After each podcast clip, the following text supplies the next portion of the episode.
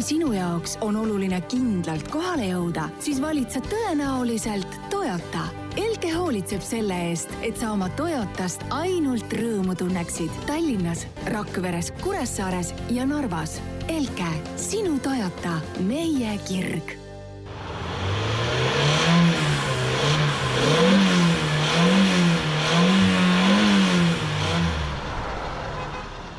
ja pärast äh, nädalate pikkust äh, eneseisolatsiooni siis äh, ja, ja kõigi teiste isolatsiooni ja üldist äh, segadust äh, on istmesoojendus siis lõpuks tagasi. ja mina olen äh, Jan-Mattis Mandri, täpselt niimoodi nagu ikka ja minuga on siin stuudios äh, Veli äh, Valentin Rajasaar. nii äh,, räägime alustuseks natukene sellest, kui kaua sa olid seal äh, isolatsioonis, mina olin äh, isiklikult nüüd äh, vist äh, ma ei tea, see aeg ongi nagu, aeg on nii segane, et eh, päriselt ei saagi aru, kui pikalt seal nagu oldud on, ma arvan, mul on kolm nädalat nüüd, kus, kus ongi väljas käidud põhimõtteliselt niimoodi, et on ainult mingeid hädavajalikke asju tehtud või siis on, on käidud äh, kuskil looduses või mujal, et nagu päris peast segi ei läheks äh,? Mul jah, siin kaks nädalat vähemasti. Et siin oli veel täpselt enne, kui,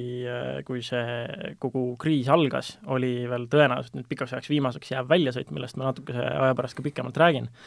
aga muus osas on jah, kaks nädalat vähemalt möödunud siin eneseisolatsiooni all, et perega kenasti kodus rahulikult ja väljas käinud ka täiesti minimaalselt, et äh, vahepeal tulebki lihtsalt minna hingata värsket õhku kusagil eemal või lihtsalt autol jalgu sirutada natukene jah, et autole jalgade sirutamine on üks väga hea variant praegu käia väljas niimoodi, et äh, teoorias on ka kõik okei okay,, et, et, et ei ole lihtsalt see, et lähed kuhugi kaubanduskeskusesse. jah, püsi sees muidugi. ja teine asi on see, et muidugi tänavad on ka tühjad ja mõnusad, et äh, ega sellist äh, elamust pole tõesti ammu saanud, et noh, muidu oled ju käinud, on ju, öösel või millalgi, kui tänavad on tühjemad, aga nüüd vaatad päeval ka või hommikupoole ja päeval on täiesti noh, liiklust on ikkagi palju-palju vähem. no vot, aga, aga siit me saame tegelikult kohe hüpata esimese teema juurde ja see on loomulikult see, et et tehastest, autotehastest siis, kes teab, mis siin nagu lähiajal saab, et me küll ka eelmises saates, mis siin nüüd oli kuu aega tagasi vist, saime ka sellest rääkida, täpselt enne seda niimoodi poolprohvetlikult või noh, sel ajal juba teadsid tegelikult kõik enam-vähem seda, et et see Hiina, Hiina näide tuleb lõpuks meile ka aga nüüd on ka, meil on need tehased juba kinni pandud, on ju, ja, ja valdavalt hakkavad nad tootma hingamisaparaate, et äh, see, see kogu olukord siin autoturul on selles mõttes ikkagi üpris keeruline, et ilmselt äh, on meil nüüd pikemat aega selline olukord, kus äh, need autod, mida Euroopa turul hakatakse müüma, tulevad hoopis Hiinast või kuskilt Aasiast, et see tundub nagu ainuke loogiline lahendus, kuna, kuna Hiina on siis praeguseks ainukene, kes on nagu selle kriisi enam-vähem nagu alla suruda saanud jah, väga jõhkrate meetmetega muidugi, aga noh, jah, põhimõtteliselt on siin järjest läinud, on ju, Volkswagen äh, pani esimesena, andis teada, et tehased lähevad kinni, siis on järele tulnud siin kõik BMW-d, Volvod, Nissan, Ford, Euroopa tehased siis, Renault, isegi San Franciscos on Tesla tehas kinni pandud. et ja muidugi tulevad siin jah, instruktsioonid äh, igalt poolt erinevatest kohtadest, et et, võiks tõesti, kui võimalust on, hakata tootma hoopis vajalikke aparaate, aga põhiline mure siin tundub jäävat selle taha, et äh, jah, sellist riistvaralist värki saab teha, aga tarkvaralahendused on probleemiks autotootjatele. ma arvan, et, äh, et neid probleeme tuleb nagu äh, keskpikas perspektiivis kindlasti oluliselt rohkem, arvestades, et noh, ülemaailmne majandussurutis tuleb kindlasti, inimestel mm. tegelikult ei ole võimalust autot enam osta, samal ajal on meil need kõik kõik need äh, väga ambitsioonikad eesmärgid, mis on välja käidud, et äh, kahe tuhande kahekümne viiendaks aastaks toodame terve mudeli valiku ainult elektriliselt, mis siin mõned autotootjad on, on ju rääkinud. et ilmselt lükkuvad need eesmärgid ka nüüd kuhugi, ei tea kuhu et, äh, et see, kuidas see kogu kriis noh, see, selles mõttes selle kriisi kohta on öeldud ju kõigis valdkondades, et see, kuidas me siit välja tuleme ja mis see, mis see lõpp-produkt on ja kuidas see turgu muudab, see saab olema päris, päris suur asi. et, et ei teagi, mis sellest autoturust nüüd siin saab, et, et kindlasti on elektriautod on need, mis saavad ilmselt kõige rohkem pihta, arvestades, et noh, see on muidugi autotootjatele ka ikkagi väga suur kulu, sest et praegu on mhm. kõik tarneahelad on kinni, on ju, Äh, nad ei saa neid elektriautosid toota, kuhu nad tegelikult juba miljardeid eurosid on äh, arendusse magama pannud ja, ja nüüd need, kõik need miljardid ei toogi mingisugust äh, investeeringut tagasi, on ju. et selles mõttes on, on, saab olema väga huvitav aeg, ma ise ennustan, et päris mitmed autotootjad otsustavad siin selle kriisi pärast, pärast seda kriisi siin panna uksed üldse kinni, sellepärast et äh, seda raha on puudu kõikjal, igas mm, -hmm. igas, igas sektoris, et ma ei usu, et äh, autotööstus äh, sellest ka nagu puhtalt välja tuleb. jah, mulle ka alguses tundus, et noh, mis see siis ära ei ole, et meelelahutussektor jääb seisma, on ju, endal põhitöö ka siin, mis iganes audiovisuaalmeedia tootmine, et noh, need siis lükkuvad edasi siin määramatusse aega, aga nagu näha, siis kõik on ilmselgelt kõigega seotud. just needsamad tarneahelad põhjustavadki selle, et et, et ja viiruse leviku piiramine, et lihtsalt ei saa põhimõtteliselt mitte midagi teha. et eks siin on muidugi, näed ikka sõnavõtjaid siin, kes ütlevad, oh ei, elu ja majandus ei saa ju seisma jääda ja no kurat, ikkagi tuleb seisma jätta, vaadates, kui hulluks see olukord mõnes kohas läinud on no eks see, eks see kogu väljatulek siit kriisist saab üldse olema väga huvitav, see noh, sellist kriisi ei ole varem olnud ju, et kus kõik sektorid saavad niimoodi täiesti uskumatul määral põhimõtteliselt päevapealt pihta, et ühesõnaga, saab olema huvitav. ja isegi kui nagu siin elu jooksul on olnud, ütleme küll, majandussurutist ja kõike, igasuguseid asju ja mingid muud viirusekriisid, siis siis esiteks, kas ei ole see siia jõudnud või, või ei ole ise olnud piisavalt sellises vanuses, et, et kogu aeg selles info, infoväljas nii sügaval sees olla ja teada, mis toimub, ise olla sellest mõjutatud. aga need ülejäänud kriisid on ka kindlasti olnud lokaalsed, et noh mm, -hmm. kui me mhm. võtame sellised suured kriisid, siis neid jäid ikkagi äh, sellesse aega, kus maailm ei olnud nii globaliseerunud ja kus see kõik ei mõjutanud meid kõiki samal ajal niimoodi. et aga, aga see selleks. Äh, ühesõnaga see, kuidas me siit kriisist välja tuleme, kas me siit välja tuleme, see ilmselt jääb ainult tuleviku küsimuseks aga, aga praegusest ajast rääkides, siis äh, eriolukord on tegelikult äh, väga hea aeg autode ostmiseks et äh, ma arvan, et igaühel, kes vähegi internetis näiteks natukene ringi tuuseldanud on ja ilmselt on neid inimesi praegusel ajal päris palju, äh, siis ega see, mis silma jääb, ongi valdavalt ju, on autotootjate reklaamid ja automüüjate reklaamid ja, ja väga heade hindadega pakutakse ikkagi väga erinevaid autosid. jah, sest ega müügisalongides tegelikult ei ole töö ju seisma jäänud, et meil esindused äh, toimivad, ja siin mitmed, mitmed siis äh, esinduste ninamehed sõnasid, et jaa, et noh, et nii-öelda õhuruumi on tehingute tegemiseks, piiratud aegadega on, äh, on piiratud tööajad, aga, aga salongid ikkagi toimivad ja tule ainult ja osta endale auto, on ju. jah, et äh, täpselt samamoodi see kriisist on ju nende huvi ka, et raha ikka liiguks ja autod maha müüakse et selles mõttes äh, praegu on tõesti suurepärane aeg, äh, kes, kes ei taha esindusse koha peale minna, siis alati on ju võimalus ka internetist auto osta, et see on tänapäeval juba täiesti, täiesti loogiline samm, ütleks mina, kes ma ja. ostsin enda auto niimoodi, et ma seda kordagi näinud ei olnud, sellega kordagi proovisõidul ei olnud käinud, põhimõtteliselt lihtsalt äh, tellisin internetist äh, info põhjal, lugesin arvustusi ja nii edasi. jah, meil on nii palju seda materjali, mille puhul see, mille põhjal see ostuotsus langetada, tõsi, siin on muidugi see faktor, et sa tõesti tegelikult pead ikkagi päris,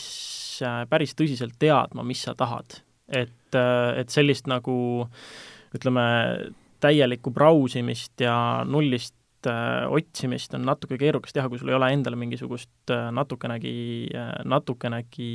äh, kindlamat soovi, tundub mulle vähemasti. Ma arvan, et võib-olla see, see, kui kindlamat soovi ei ole, et see just nagu lihtsustab seda asja, et võib-olla seda täpset autot, mida sa just soovid sel hetkel osta, kui sul on mingi hästi kindel soov, et seda leida on keeruline. et kas või mu enda auto puhul oli see, et mul oli mingid hästi imelikud äh, parameetrid, mille põhjal ma täpselt tahtsin seda, näiteks ma tahtsin, et autol oleks katuseluuk, ma -hmm. tahtsin, et äh, autol oleks nahksisu, mis ta tüüpiliselt nagu GTI-del ei ole, ehk siis ma pidingi nagu taga ajama neid üksikuid autosid, et isegi kui ma vaatasin äh, näiteks Saksamaalt, siis kui ma kõik need enda filtrid peale panin, siis seal oli mingi kümneid autosid ainult mm. -hmm. et see ei, et see ei olnud nagu päris nii lihtne, et muidu vist üldist GT-d vaadates oli mitusada autot, aga mm -hmm. nende minu filtritega oli paarkümmend. aga oot siis..., sa, sa muidu teadsid, et sa tahad Volkswagen GT-d just, jah, Golf GT-d äh,? ei, mul ei olnud nagu üldiselt seda noh, ma vaatasin mingisugust sellist balanssi, et mm, -hmm. et mul olid mingisugused parameetrid, mida ma tahtsin ja, ja siis ma põhimõtteliselt panin need parameetrid äh, sinna sisse otsingusse, on ju siis äh, vaatasin vastavalt sellele ja siis mingi hetk ma jõudsin lihtsalt nende loogiliste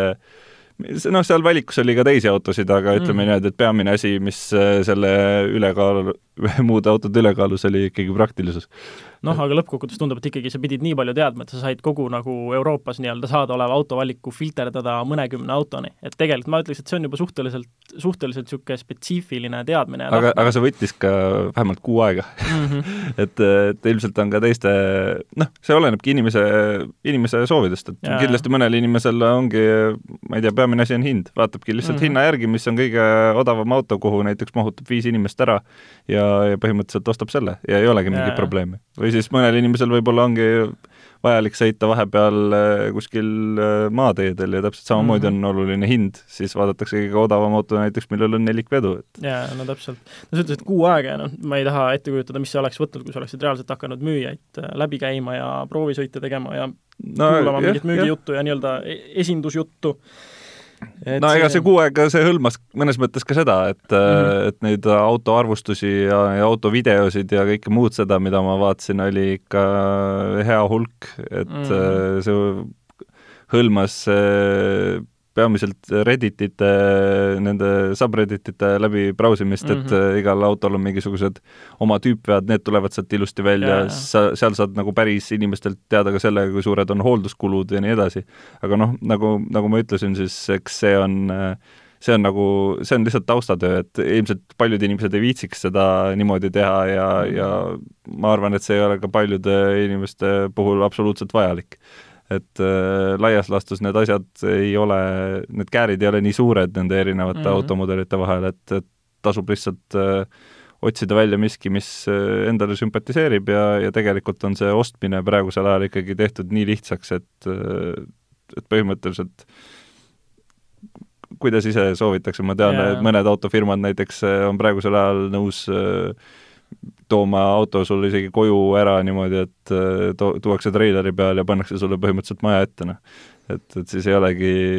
Pole nagu mingit kontakti mida, mida, mida, mida sa veel mhm. tahad jaa, jaa, täpselt. ja see on ju see ka, et see on see lugu, mis meil ka Acceleristas üleval on, kuidas äh, üks äh, lugeja ostiski endale neti vahendusel uue auto, et see oli ka põhiline argument see, et äh, ta ka filterdas hästi kähku selle valiku ära, et võttis ette esindused ja mis oli laokaup, mille saaks kiiresti kätte, et see oli põhiline asi ja siis sealt hakkas filterdama ja otsima. ja oligi vist mis see protsess tal võttis ka kuu aega või? Äh, ma arvan, ma arvan, et see oli ikka vähem, see oli vist äh, kaheksa päeva oli seal nagu see Aa, reaalne jah. kättejõudmise aeg, on ju. et noh, seda on muidugi keeruline hinnata, et kui palju tal see nagu kogu protsess võttis. aga, aga jah, ühesõnaga point on selles, et äh, kõik, kes tahavad, siis kui vähegi on mingisugust vaba raha ja, ja tunned, et majanduslik olukord on hea, siis praegu on tegelikult hea osta kõike, olenemata, kas see on auto või mingi muu asi, et, et mm -hmm. asjad on väga-väga odavad. mõnda aega hinnad äh, enam, enam nii alla ei lähe tõenäoliselt. jah, aga ärme tee seejuures lollusi, et äh, koguneme mõnda spordipoodi niimoodi, et lähme täiesti hulluks, on ju, et et on praegu kõik on mõelnud ka selle peale, kuidas saaks neid asju turvaliselt osta ja, ja üritame siis äh, seda niimoodi teha. aga rääkides siis äh, uute autode ostmisest, siis äh, tegelikult on samal ajal jäänud autosid teedel hoopis vähemaks. palju sa viimase paari nädala jooksul siin sõitnud oled? kusjuures päris oodat-, ootuspäraselt vähe, et mul on see kuu ongi vist, ma olen ühe korra autot tankinud, oligi vist a la kuu alguses sai paak täis pan-, pandud ja nüüd, äh, nüüd kütusetuli, äh, tuli põleb ja noh, see kõlab muidu võib-olla nagu niisuguse igapäevaauto kohta nagu, et oi, et see on ju sõitmist küll, aga tegelikult see paagitäis on siin olnud alla neljasaja kilomeetri. et tavaliselt on ikkagi niisugune igakuine kütusekulu äh, jäänud sinnakanti, et kaks, kaks pool paagitäit, siis nüüd ikkagi on neid sõite kaks ja pool korda vähem olnud. Ja sealhulgas on ka neid selliseid äh, nii-öelda ilma eesmärgita sõite, ehk siis lihtsaltjalasirutusi, kus ma olengi läinud ja teinud mingisugune viiekümne kildise tiiru lihtsalt. jah, et äh, mul endal täpselt sama, et äh, kuu alguses vist panin samamoodi kütust ja praeguseks on kolmandik paaki on veel alles mm -hmm. ehk siis mingisugune ka kolmesaja, kolmesaja viiekümne kilomeetri ringis on vist sõidetud. ja palju sa muidu tavaliselt sõitsid? oh, ma arvan, et kaks või kaks pool, isegi kolm paaki läks kuus okei okay,, nii et põhimõtteliselt võib öelda, et meil mõlemal on vähemalt kaks ja pool korda kukkunud see igakuine sõitmine. ja see tegelikult ju läheb ka selle üldise trendiga kokku, et inimesed sõidavadki vähem, samamoodi näiteks siia stuudiosse sõites oli äh, väga värskendav sõita sellises, sellises äh, kellavahemikus, kus tavaliselt oleks pidanud sellele sõidule arvestama, ütleme, vähemalt äh, nelikümmend minutit või viiskümmend minutit, siis mina sõitsin enda selle neljakümne, viiekümne minuti otsa ära vist viieteist minutiga. et mm. -hmm. et selles mõttes on tore. aga, aga siin on muidugi muid äh, kõrvalnähtusid sellele, et autosid on vähem, et äh, teetöid on näiteks rohkem ja tänavate pesu, et äh, need paar korda, mis ma olen siin sõitnud, mis on olnud võrdlemisi äh, lühikesed otsad ka, ma olen väga palju täheldanud seda, et tehakse praegu teeremonti, tehakse hästi palju, pestakse tänavaid ja täpselt samamoodi, kui ma olen siin rääkinud näiteks Delfi fotograafidega, kes on, kes on igapäevaselt liikumises, siis nemad on täpselt neid samu asju täheldanud, et et hästi palju tänavate pesu on näiteks, et see on selles mõttes positiivne, et äh, äkki on sellest äh, kriisist siis midagi sellises, sellises mõttes ka kasu, et saab vähemalt tänavad korda ja puhtaks mm. -hmm jah, ja mis see üldine, noh, siin artiklis on hästi palju sellist äh, huvitavat statistikat, hästi palju sellest on muidugi ootuspärane. noh, autode üldine hulk on äh, kukkunud kusagil kolmandiku võrra, mis meil liikleb igapäevaselt, aga siin on välja toodud kindlad äh, marsruudid ja trassid ja noh, mis seal ootuspärast on, näiteks on ju see Virtsu poole sõites on äh,, issand, mis see meil oli? no, no Virtsu ei tohi enam sõitagi, nii et ma arvan, et see, see on nüüd põhimõtteliselt nulli langenud. ei, see on, muidu oli nädalas neliteist tuhat sõidukit, siis äh, nüüdseks on see kukkunud viiskümmend seitse protsenti. Mhm. et kuus tuhat sõidukit nädalas äh, seda vahet nühivad nojah, ma arvan, et, ma arvan, et nüüd on see number nagu veelgi väiksem mm. -hmm. ja täpselt samamoodi see statistika näitas ka, et piiripunktidel on see päris kõvasti kukkunud, mis ei ole ka väga ja. üllatuslik. Et, et ilmselt inimesed sõidavadki vähe ja, ja sellest perioodist võib-olla tuleb meil palju neid eh, kirikuõpetaja naise autosid, millel läbisõitu lihtsalt ei ole, sellepärast et need autod on eh, istunud kuskil maja ees, et kes teab, kaua meil see eriolukord veel kestab, et võib-olla siin, võib-olla ei saagi mitu kuud sõita ja see ilmselt äh, ilmselt ka hodomeetritel hakkab, hakkab mingit rolli mängima mingist hetkest, et, et kui te siis ostate kunagi tulevikus näiteks kasutatud autot, mille, mis on ostetud siis kahe tuhande kahekümnenda aasta alguses, siis te teate, et see on täiesti okei okay,, et seal on,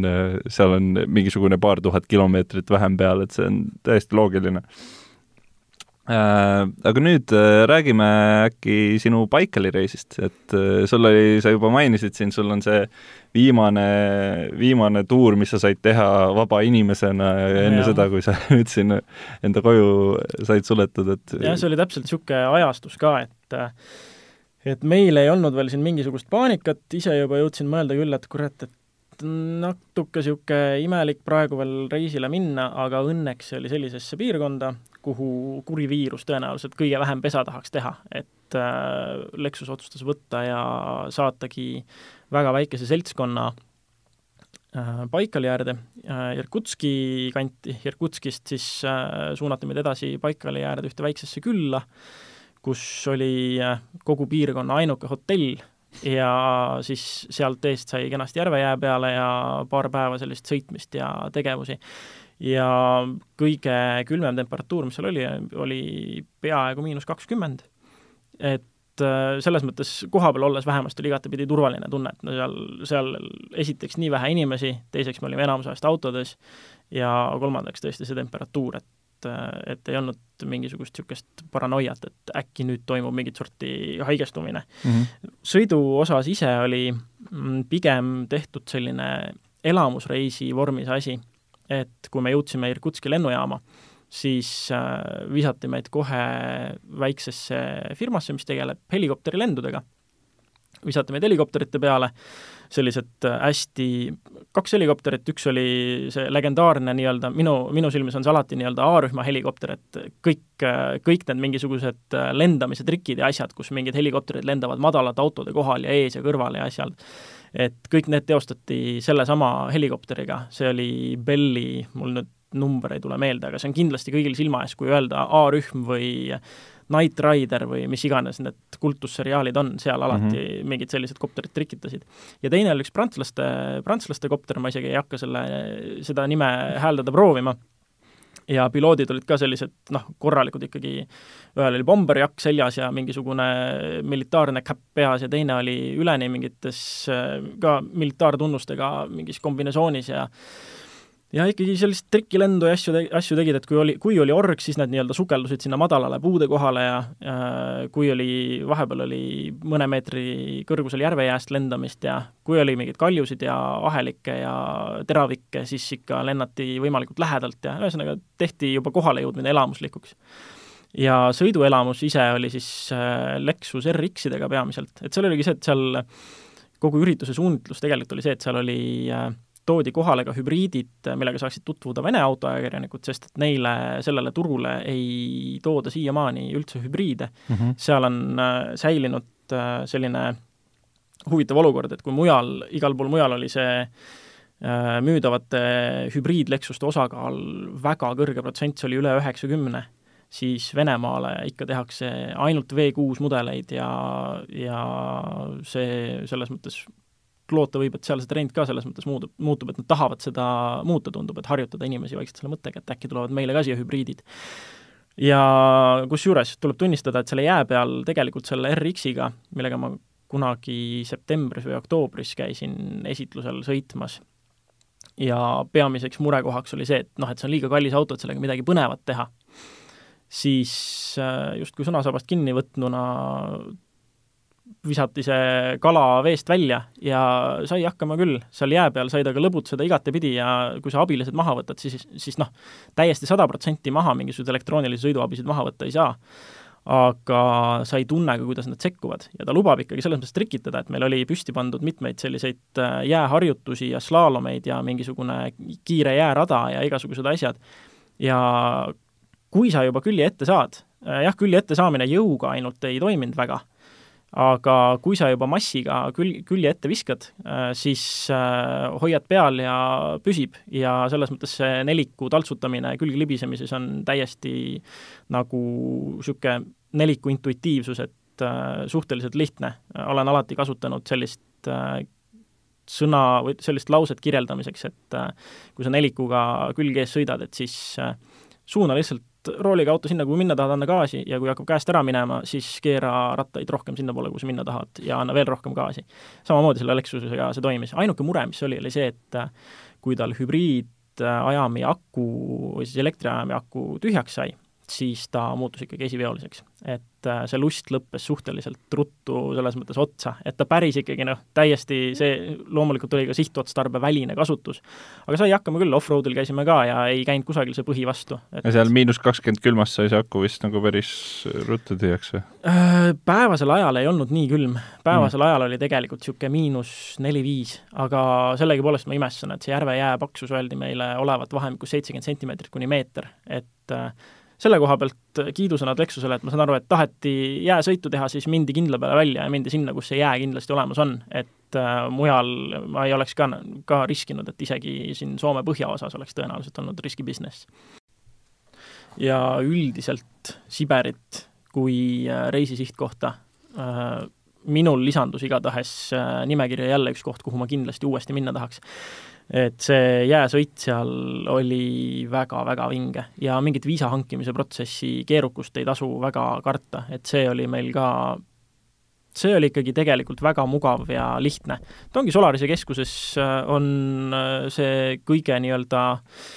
kiidetum äh, punkt viisa hankimiseks ja seal nad annavad sulle kohe ette listi asju, mille puhul on kindel, et kui sa need nõuded täidad, siis põhimõtteliselt mitte mingil juhul ei saa seda viisat tagasi lükata. et alguses tundub, et mis nad nüüd nokivad siin mingisuguste detailide kallal, aga seal, seal ei ole midagi, midagi imelikku, midagi üle jõu käivat ja kui sa need kõik asjad nii-öelda va-, nende vajadused ära katad, siis sa võid enam-vähem kindel olla, et sa saad ka selle viisa ja saad minna. no eks me saame siis näha, et millal sa sinna uuesti minna saad, et loodetavasti Subaruga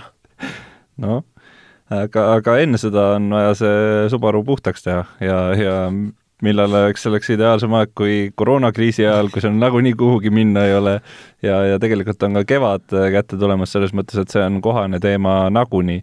Aga praegusel ajal on kindlasti mingisugused nagu omapärased trendid, et mina isiklikult näiteks väga sinna selvepesulasse ei kipu, et ma olengi siin juba pikemat aega haudunud seda mõtet, et peaks ikkagi ostma endale korralikud äh, kaks pesuämbrit ja kõik sinna juurde käiva, et äh, saaks kodus rahulikult nokitseda, auto ära pesta. et ma ei tea, kui, kuidas sina siin sellel pärast see pärast kriisiaegsel ajal oled oma autot üldse hooldanud ja mis tuleb tunnistada, et ma ei ole auto, autopesu on olnud üks viimaseid asju, millele ma oleks mõelnud. et äh, ja ka sisekoristus, sest äh, siiamaani on olnud suhteliselt lihtne selle auto sisu osas, sest et seal on kategooriliselt keelatud söömine ja mingisuguse mudru vedamine ja nii edasi, et et äh, seal on, püsib üldjuhul äh, korrapärasus ja no väljast olen lihtsalt, kui on võimalust olnud, olen selvepesulast läbi käinud, lasknud survekaga üle, aga, aga kui rääkida siin tõsisemast puhastusest, siis seda ma veel teinud ei ole. aga äh, selle tegemiseks muidugi noh, tegelikult see tuleb ette võtta siin nüüd enne suvehooaja algust kindlasti. ma arvan, et ongi, kui on siin äh, minek, et suverattad alla visata, siis äh,, siis selle käigus teeb ka selle koristuse ära et ongi, alustad pesust, teed väljast korralikult, äh, tõenäoliselt tuleb siis seekord ka šampooniga natuke mässata, sest et see mudru, mis siin seismisega peale tekkinud on, ei ole väga esteetiline. ja no sees samamoodi, siin on terve, terve pika artikli soovitustest ja nippidest on nüüd äh, Aksaka lehele siin oleme üles pannud, et äh, seal on hästi palju selliseid asju, mis jah, tõsi, paljud on niisugune common knowledge, aga mõned asjad ka niisugused äh, natuke võib-olla üllatavamad, et soovitan igatahes see mõttega läbi lugeda, et seal on väga detailselt siin puhastusest ja soovitused siin, mis kasutus, mis kasutust leidev auto, kust, kust tihendite vahelt täpselt teda nüüd millega nühkida nii-öelda. Jah, et äh, ilmselt on palju inimesi siin, äh, kes mõtlevad, et miks me siis seal Pesu tänavale käi, on ju, et seal ei ole nagu seda kontakti, aga aga seal on ka see, et pärast su auto värv on selline noh. ega ta ei täna sind jah, selle harja, harjapeksu eest. ütleme niimoodi, et äh, hea on, kui on äh, sellised need keerud seal sees ja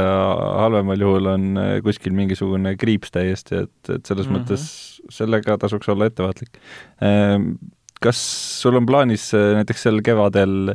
hakata mässama saviga või, või teha võib-olla mingi kergem poleerimine autole või, või sa päris nagu nii süvitsi ei viitsi selle asjaga minna? vot sellega on nüüd see lugu, et äh, Subaru on mul niikuinii igapäevasõiduk ja ta ei püsi väga kaua aega väga puhas tegelikult, et ma arvan, et selline saviga detailinguni väljaminek on tegelikult äh, noh, savipesu okei okay,, aga jah, mingit detailingut kui sellist otseselt nagu plaas, plaanis ei ole, et, et lihtsalt üle käia ja võib-olla ise võtta mingisugune ma olen siin uurinud küll neid mingisuguseid keraamilisi vahendeid, millega sa saad ise mässata täitsa oma äranägemise järgi. aga ma arvan, et selline äh, suurem iseettevõtmine ja hooldamine on plaanis mul hoopiski selle MR2 Spideriga, sest et äh, temal on värvi peal mingi, tal on laki koorumise kohti ja igasuguseid asju, mille, mille puhul ma olen ka omas tempos vaadanud, äh, vaada-, vaadanud mingisuguseid uh, how to sid, et kuidas äh, see asi korda teha, ma arvan, et selle autoga ma kavatsen natuke rohkem mässata. sa saad kaks ühes teha, selles mõttes, et kui asjad on nagunii olemas, siis saad ju teise autoga ära teha. seda küll, jah, vaatab, kuidas siin, kuidas siin ajaliselt Äh, ajaliselt on, et millal sellega tege-, tegeleda saab, sest tegelikult kõik need äh, MR2 puudutavad tööd ju põhimõtteliselt seisavad ka praegu, et jah, tõsi, ma saan mingeid juppe tellida ja oodata, kuni nad saabuvad ja mingid varud on mul juba tekkinud, et äh, teha ära see viimane suur nii-öelda hooldus, enne kui ta sõitma saab.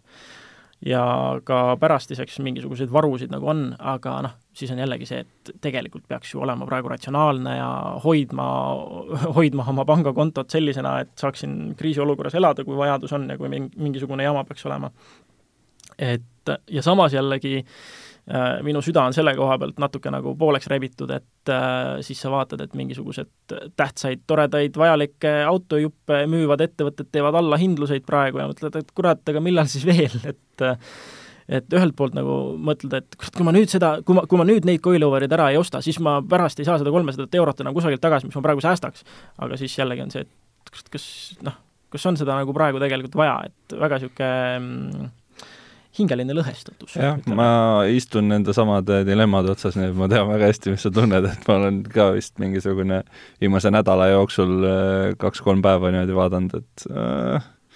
kas peaks ostma või ei peaks, et nagu tahaks, aga samas see olukord on nagu nii imelik, et siit ei teagi, mis tuleb mm. -hmm. et noh, siin ongi see küsimus, et kas säästetud raha on justkui nii-öelda